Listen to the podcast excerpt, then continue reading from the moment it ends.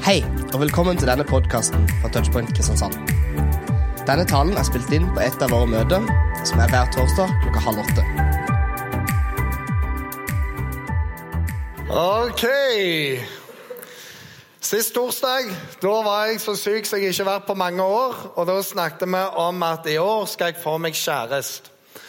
Og så fikk jeg en lapp i hånda av en kar.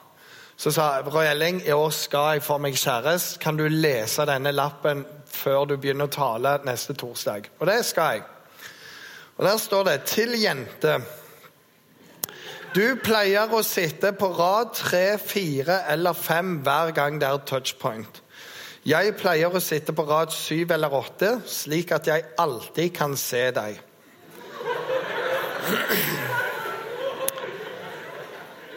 Jeg liker veldig godt at du lovsynger Herren. Dine hender som peker opp, er bare helt fantastisk. Nei, jeg bare tuller. Det er ingenting inni her. Jeg har bare lyst til å OK!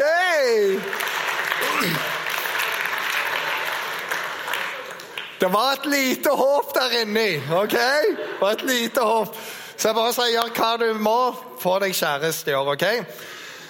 Nå når jeg I starten av denne talen så har jeg bare lyst å, å spørre om en ting. og Vi har ikke alltid så mye håndsopprekning. Men opp med hånda, de som har gjort en sånn finansielt kjempeidiotisk ting i livet sitt. Ok, Jeg kan bare ta det ned. Jeg kan bare si, Hvis du er over tolv år, så burde du ha rekt opp hånda. For alle har gjort noe dumt med penger. Alle sammen. Noe mye mer enn andre. Jeg har kjøpt båt. Det var et par hundre tusen. Okay? Så, så greia med penger er at eh, det er noe bra, det er noe dårlig der. Og så er det noen som tenker sånn Bare jeg får mye penger, da kommer jeg til å bli lykkelig, eller da kommer jeg til å få orden på ting. Men det som undersøkelsene viser, det er mye penger viser bare enda mer av hvem du egentlig er.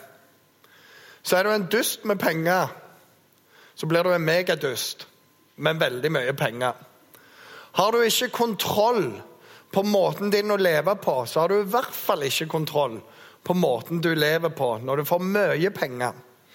Så det handler litt om å lære i det små det som òg skjer i det store. Det er noen som de kan få så mye penger de vil, men de er bare noen helt fantastiske folk. Du kan ikke merke det på dem, men de har det samme hjertet uansett. Så penger løser det ikke i seg sjøl.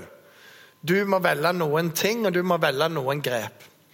Så penger er en veldig sånn interessant ting. Og noe av grunnen til at vi tar det med her, i år skal jeg, det er at eh, hvert år så er det flere som kommer inn på kontoret vårt, gjerne med en haug med regninger og griner og sier 'jeg får ikke til penger'. Jeg vet ikke hva jeg skal gjøre. Og Flere her har kunnet kjenne på dette at penger det er virkelig ikke min venn og min mulighet. Alt blir kaos med penger. Hvis vi spoler inn til ekteskaper, så sier de i Nord-Amerika at 52% av skilsmisser har med penger å gjøre. 52% Og det er krangling. Og det er uenighet. Og det er enten pengebruken eller pengeproblemene, altså at du mangler penger. Det ligger så utrolig sammenvevd i hvordan vi har det. Og når vi ikke har råd til å betale regningene, det tærer på forhold. Eller vi har aldri råd til å kjøpe oss det vi vil. Det tærer. Eller den andre bruker pengene litt sånn feil. Et godt vennepar av eh, Katrine og meg. De var nygift, de hadde ikke mye penger. Så da skulle de ha noe til hjemmet sitt. Og da skulle de gå på garasjesalg. Hun hadde vært der dagen før, så hadde hun funnet ut at de hadde 1500 kroner. Og Da fikk de råd til den hylleseksjonen, og så til mm, et spisebord og en ting til, så de virkelig, virkelig trengte. Hun instruerer han Vi kjøper den hylla, det spisebordet og så den tingen. Ja, ja, ja, sier han. Og det blir 1500, og det er det vi har på konto. Ja, ja, ja, sier han. Dagen kommer, de åpner dette her, og de går inn, og hun gjør generaltabbe nummer én. Hun forlater han. Og han har pengeboka. Og han går rundt og svinser og syns det er så mye bra. Og plutselig så ser han en pil og bue med jaktpiler. Og han har aldri sett noe sånt. Altså Det er proft utstyr, sånn du kan drepe dyr med og, og bli brukt som profesjonell. Og den koster 1500 kroner. Så idet hun har gått bort til hylla og liksom sagt den skal jeg ha, og prøver liksom å rope på han, så ser du han står og blar opp pengene. Alle pengene de hadde til å få et hjem. Og han går ut med pil og bue. Og ei rimelig sur ei. Så han holdt fast med den buen og lot henne ikke få lov å ta den. Og den historien der, den har vi hørt i 15 år. Det er ikke verdt det for fem flate. Men penger er litt vanskelig. Så det jeg skal snakke om i dag, det er noen veldig veldig enkle prinsipper. Og de virker. Det er bare så veldig vanskelig å gjennomføre det. Paulus skriver til Timoteus i første Timoteus brev, kapittel 6, vers 6. Og der står det Gudsfrykt med nøysomhet er en stor vinning. Og håpet mitt for deg at du skal få pengene til å være på lag med deg. At du lærer deg gudsfrykt med nøysomhet. For penger er en fantastisk tjener, men det er en nådeløs herre. Hvis du er slave under dette, her, så har du pyton. Men hvis du lærer å bruke det, så er det virkelig et fantastisk redskap og en gave. Så gudsfrykt med nøysomhet. Og det er veldig veldig praktisk. Og jeg anbefaler deg egentlig til å skrive ned. Det første er kom deg ut av gjeld. Og ha så lite gjeld du kan ha i livet ditt. Noen av dere har allerede begynt langt på forbrukslån. Og dere vet ikke hvordan dere skal klare å betale det tilbake igjen. Når vi kjøpte vårt første hus, så måtte vi låne to millioner. To millioner kroner. Jeg sov ikke godt på et helt år. Og jeg sover egentlig alltid godt. Det kan koke rundt meg, og det kan være veldig stressfullt. Men jeg er sånn at uh, inni meg så har jeg alltid en ro, for jeg ber til Jesus og så gjør mitt beste. Så hva mer kan du gjøre? Kan sove godt. Men etter vi kjøpte det første huset, var så vanskelig. For plutselig skal vi betale 15 000 hver måned i rente og avdrag. Hvor skal vi få de pengene av? Og det, det, minker på bevegelsesfriheten. Det står dette i ordspråkene at det låneren er slave hos utlåneren.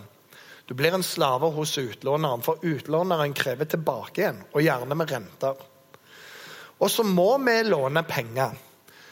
På et eller annet tidspunkt så er det veldig lurt å få seg et hus eller en leilighet eller et eller annet. Men du må tenke at du, du skal bli kvitt det der.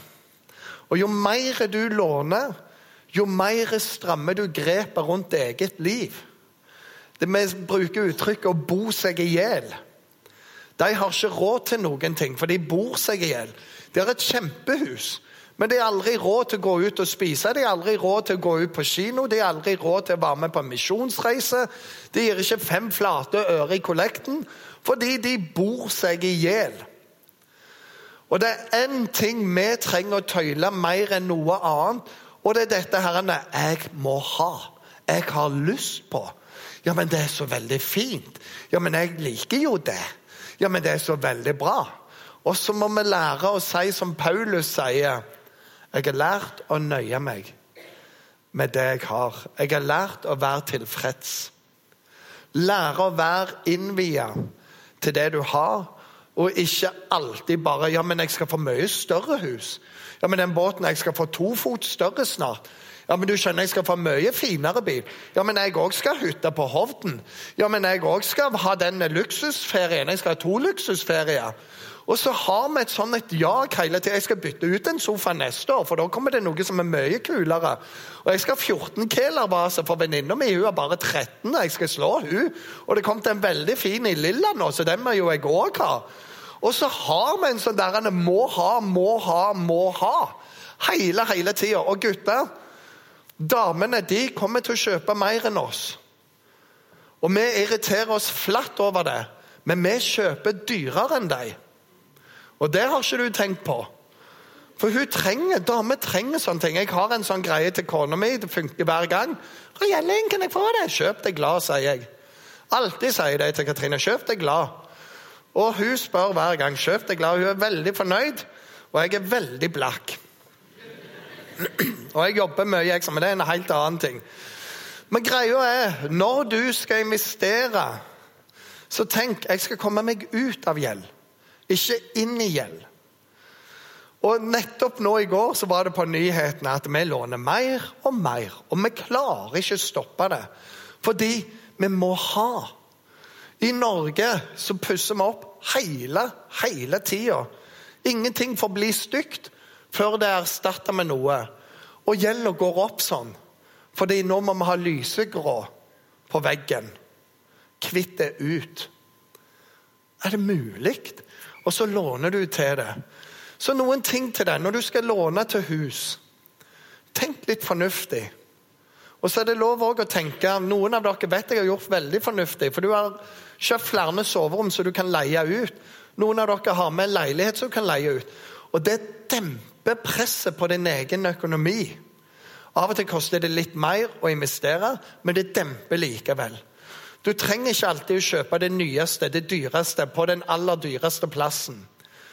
Det er lov å kjøpe et hus som er veldig bra, men på en annen plass, så det koster en million og to og tre og fire millioner mindre enn det andre huset. Da kan jeg si de har finere hus. Ja, det er riktig. Men vi koser oss hele tida, for vi har råd til det. Samme med bil. Så har jeg lyst til å si til deg, Når det gjelder bil, Aldri lån til bil. Pay cash.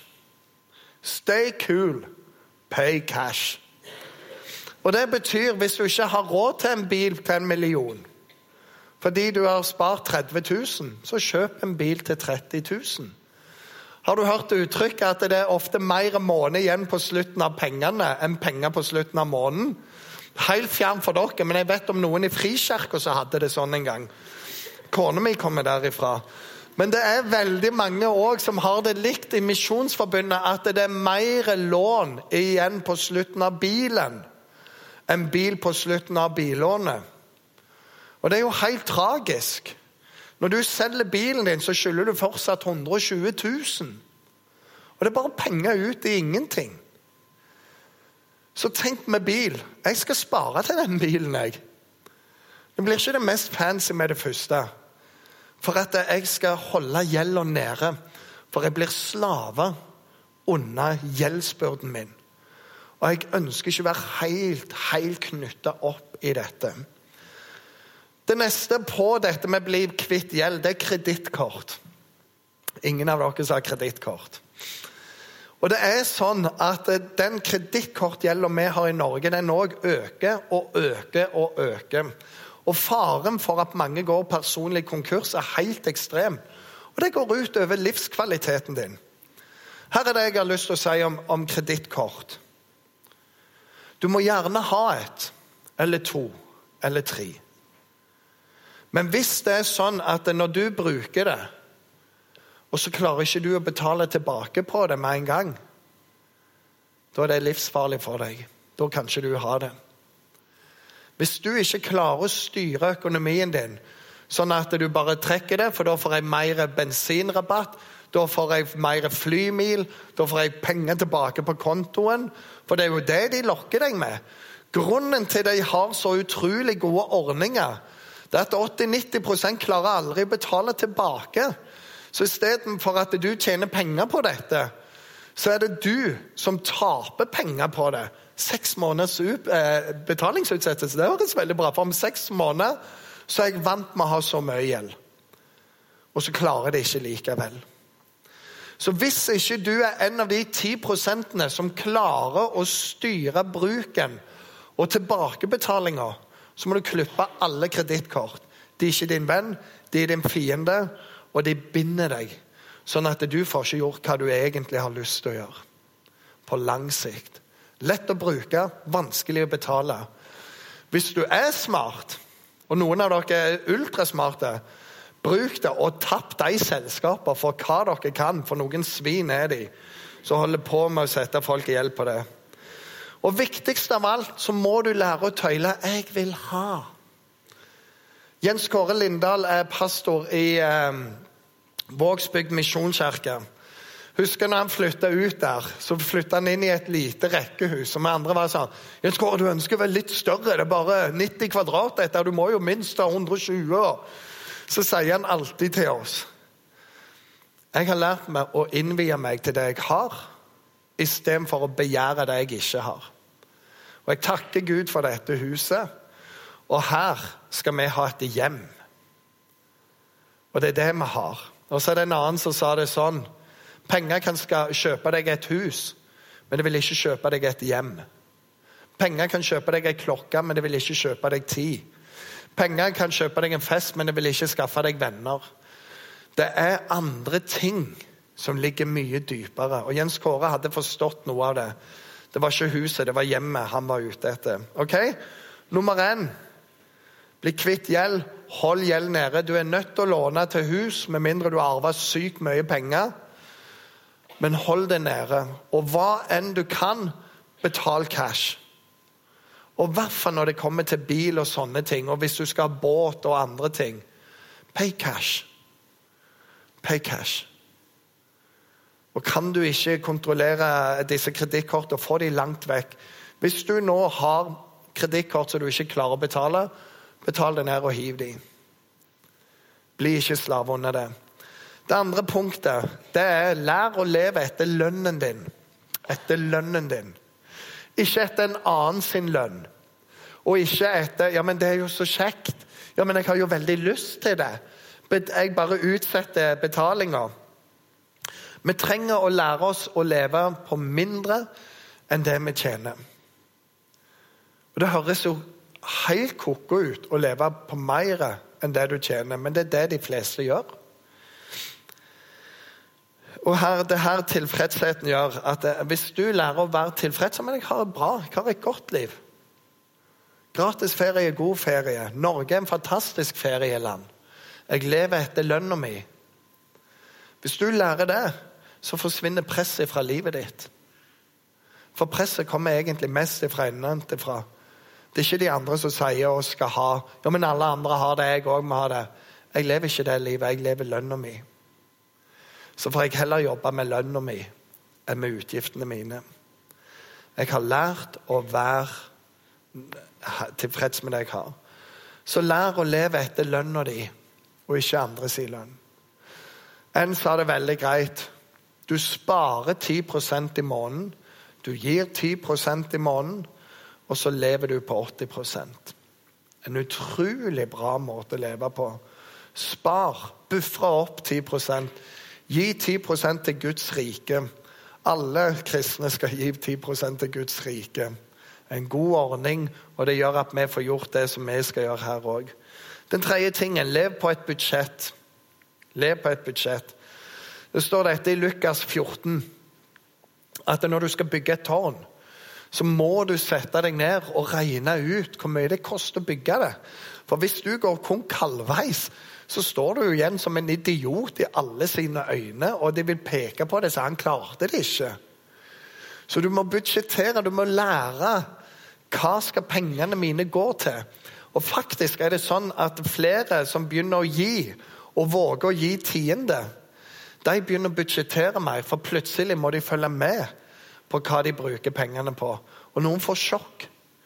Bruker jeg så mye penger i kantina? bruker jeg så mye penger bare på æh, æh. Så jeg har en bror. To dager etter han har lønn, så er han konk hver eneste måned. Hadde ikke dama kommet inn i hans liv, så hadde han fortsatt vært der. Hun tok over full kontroll over økonomien, og han får utdelt et budsjett. Og han er veldig fornøyd, for han får jo mer ut av pengene enn noen gang.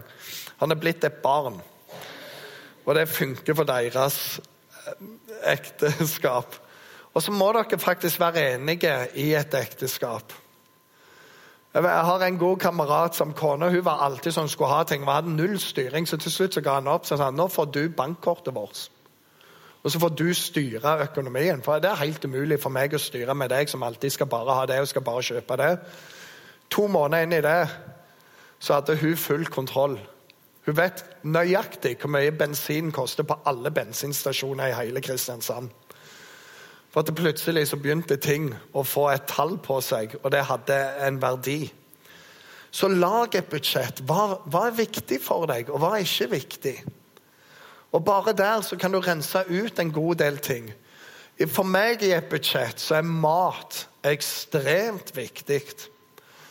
Så samme hvor dårlig råd vi har, så skal vi ha god mat. Livet er best med god mat. Hadde håpet et halleluja her, men eh, dere er jo ikke der dere budsjetterer, skjønner jeg. Og så er det andre eh, ting som er viktige for andre folk. Men hva er det i budsjettet? Det er noen ting du må ha, men det er noen ting du ikke trenger òg. Det fjerde punktet det er spar og invester. Spar og invester. Det står det i ordspråkene 21 at den kloke han sparer.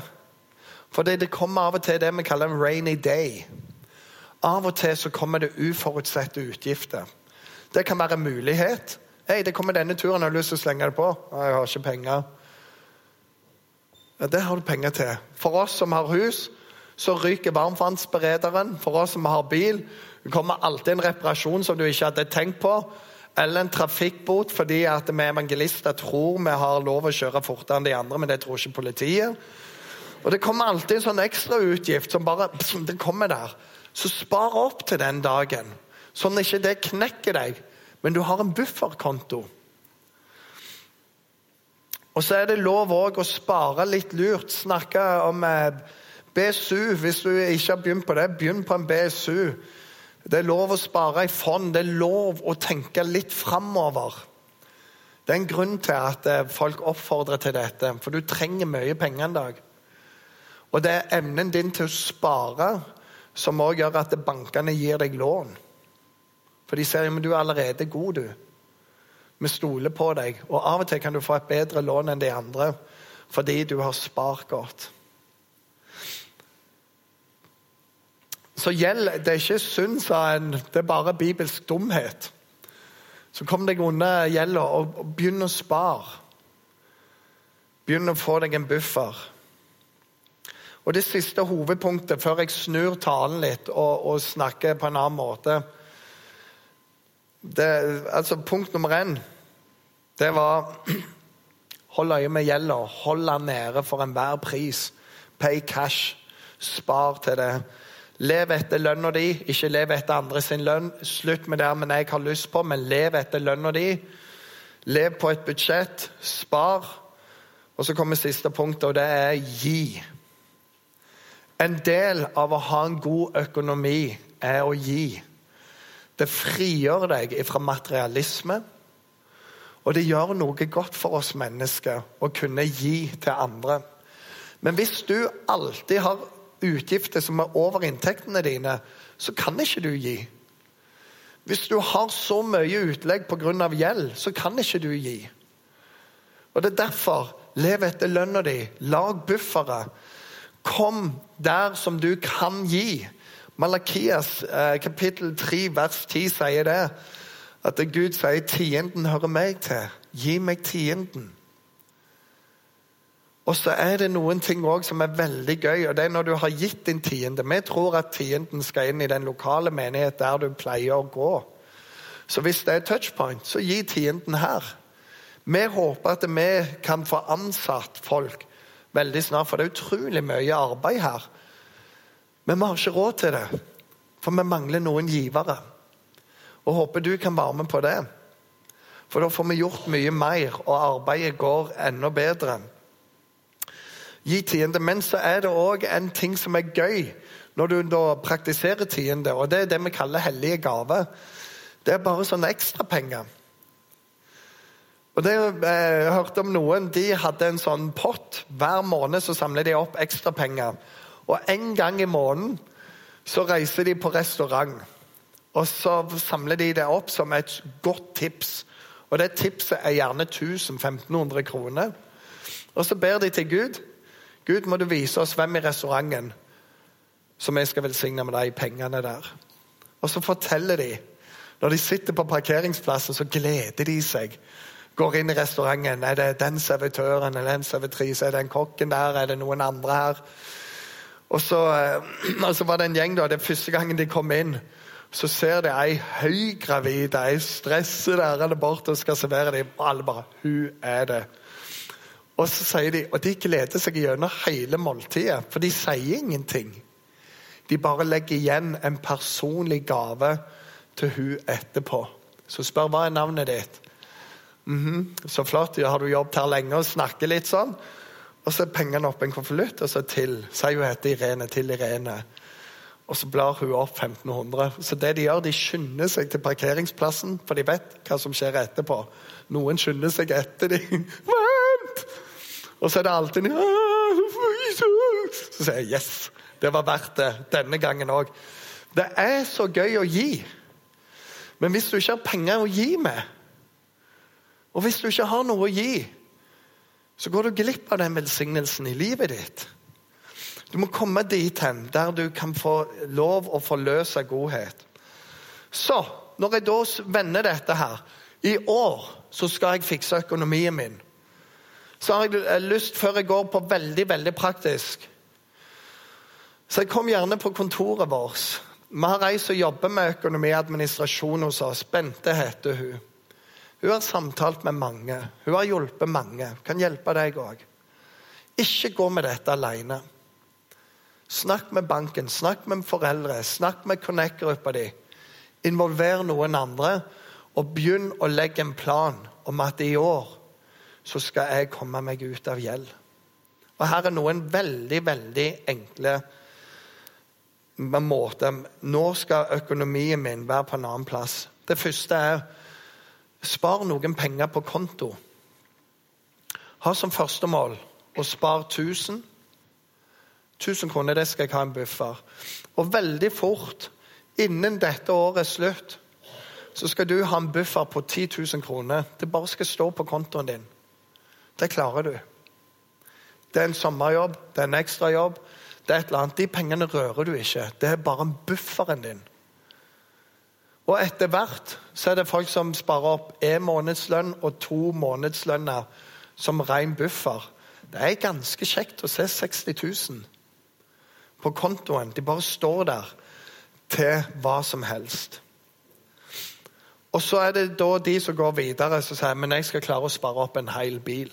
Og den dagen du kan betale en bil cash, er det en følelse som bare Jeg tenkte nå å betale en cash. Og hvis vi, Steg nummer to Hvis vi holder vekke dette med hus og sånn Slutt å låne mer penger. Bare bestem deg for det. Jeg skal aldri låne mer penger. Jeg skal ikke ha forbrukslån. Med mindre jeg kan betale meg en gang tilbake, igjen, så bare klipper jeg de kortene der. Men jeg sparer til det jeg skal investere. Alt jeg investerer, det skal jeg ha spart til. Så slutt å låne mer penger. Den tredje tingen i dette er be. For bønn virker. Du har lov å be til Gud om at han skal hjelpe deg. Og fristelsen kommer med en gang. Og kan, Du kan bare ta det helt for gitt. Hvis du tar disse valgene jeg skal leve dette livet, så kommer med en gang en uforutsett regning, ting som er det enkleste å gjøre sånn, og du bare kjenner Åh! Men be til Gud om at han skal hjelpe deg. Og vi tror at Gud ser de som er trofaste i lite. De som tar disse steg. Og vi tror Gud ærer de som ærer han, og vi tror Gud ærer gode valg så be til han. Den fjerde tingen er Det kan være du har noe som du ikke trenger egentlig, så selg det. Selg det du ikke trenger. Og legg de pengene enten få vekk kredittkortgjeld, eller inn på kontoen, eller gjør en splitt med Herren, eller hva som helst. Men selg ting du ikke trenger. Bli kvitt det. Og den siste på dette her Få deg en deltidsjobb, en ekstrajobb. Et eller annet. For min del så har jeg stort sett jobbet 100% pluss en del ting.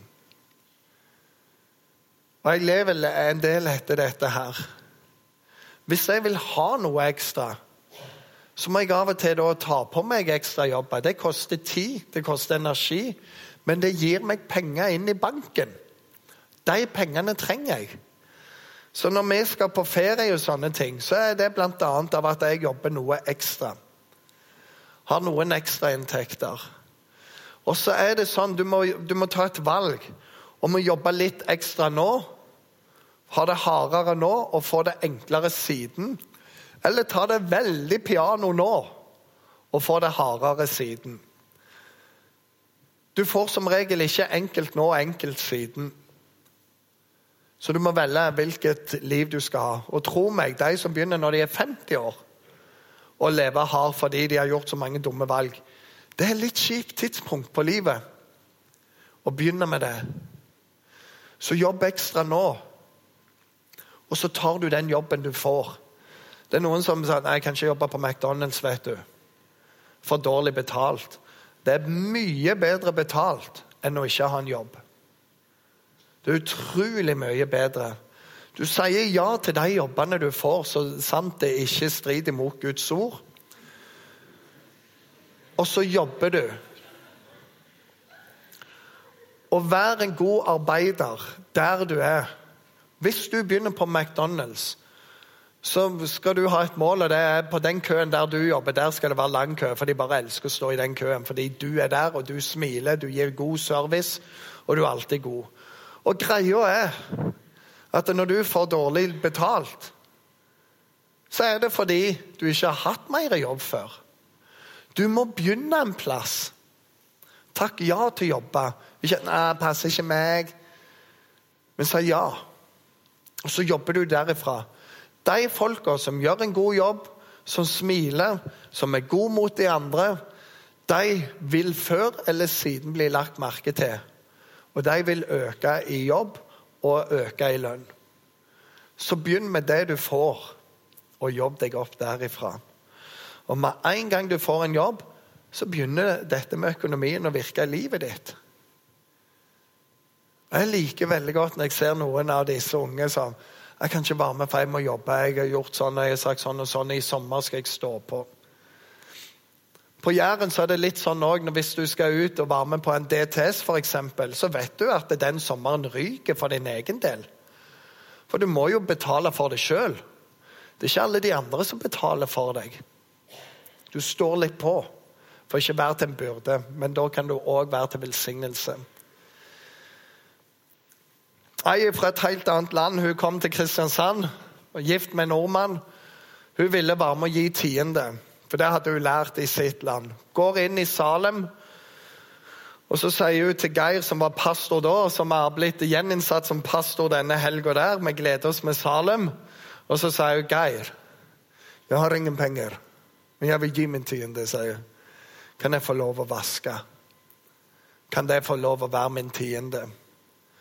Og det gjorde jo noe med Geir. Møte ei dame som bare ville gi, men hun hadde ikke noe å gi av. Så han tar det opp med Eldsterådet. Eldsterådet sier ja, hun skal få lov å vaske, men vi må gi henne noe. Vi må hjelpe henne. Og Så går Geir tilbake og sier vet du hva, du skal få lov å vaske. Det, skal få lov å være givertjenesten din, men vi har lyst til å gi deg noen penger i måneden. Og Så sier han, da bare lyser hun opp og så sier hun, halleluja, for da har jeg jo penger å gi tiende av òg. Hæ? Den som ikke har, den kan ikke gi.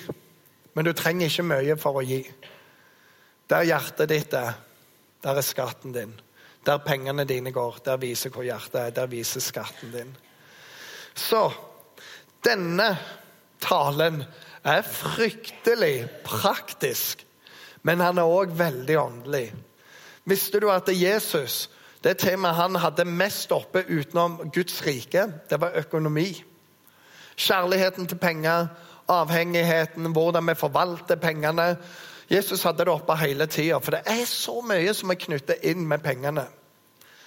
Mitt håp for deg at du tar grep som følger deg hele livet på godt.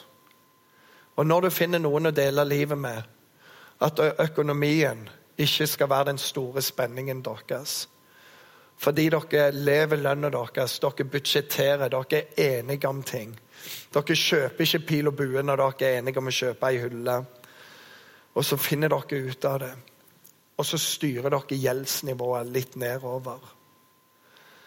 Så i dag har jeg bare lyst til å, å, be en veldig veldig enkel bønn. Og jeg skal ikke be om noe hender i været, men jeg vet noen av dere har det tøft med økonomi, så jeg ber for deg selv om du ikke rekker opp hånda. Himmelske Far, jeg takker deg for at selv om økonomi kan være vanskelig, så kan det òg være et redskap i vår hånd. Vi trenger ikke å tjene utrolig mye før det er en mulighet. Jeg ber for alle som sitter her, om at penger skal være en god tjener. Herre, hjelp oss komme ut av gjeld. Hjelp oss å komme ut av dårlige vaner. Hjelp oss å tøyle dette 'jeg vil ha', og 'jeg skal ha det sånn som alle andre'. Jeg ber om det i Jesu navn. Herre, hjelp oss å leve på 80% av det vi tjener. Spare 10% Gi 10% Herre, hjelp oss å ikke være så høye på oss sjøl, men hjelp oss til å ta de jobber som åpner seg opp, så vi sier ja og så ikke en jobb under vår verdighet. Penger inn på konto er en velsignelse. Og så er det andre som vil tjene mer i timen enn oss. Men det er deres sak. Herre, hjelp oss å styre dette godt. Og så ber jeg om at du skal få hele hjertene våre, inklusiv alt som har med økonomi å gjøre, sånn at vi òg blir gode givere. Jeg ber om det i Jesu Kristi navn. Herre, for hver enkelt så ber jeg om at du nå skal vise hva det neste steget er. Enten å bli kvitt gjeld, få seg jobb, begynne å gi fast, eller hva det måtte være. Jeg ber spesielt for de som har gått og skjult pengeproblemene. Hjelp de å snakke med noen, Herre. Med foreldre, med bank. Med noen som kan hjelpe dem å finne en plan. Og så ber vi om din nådes velsignelse over alle. Og når vi skriver 1.1.2019, så ber jeg om at vi skal skrive en glad gjeng som har penger, som jobber, og som virkelig elsker å gi og leve et godt liv. I Jesu navn. Amen.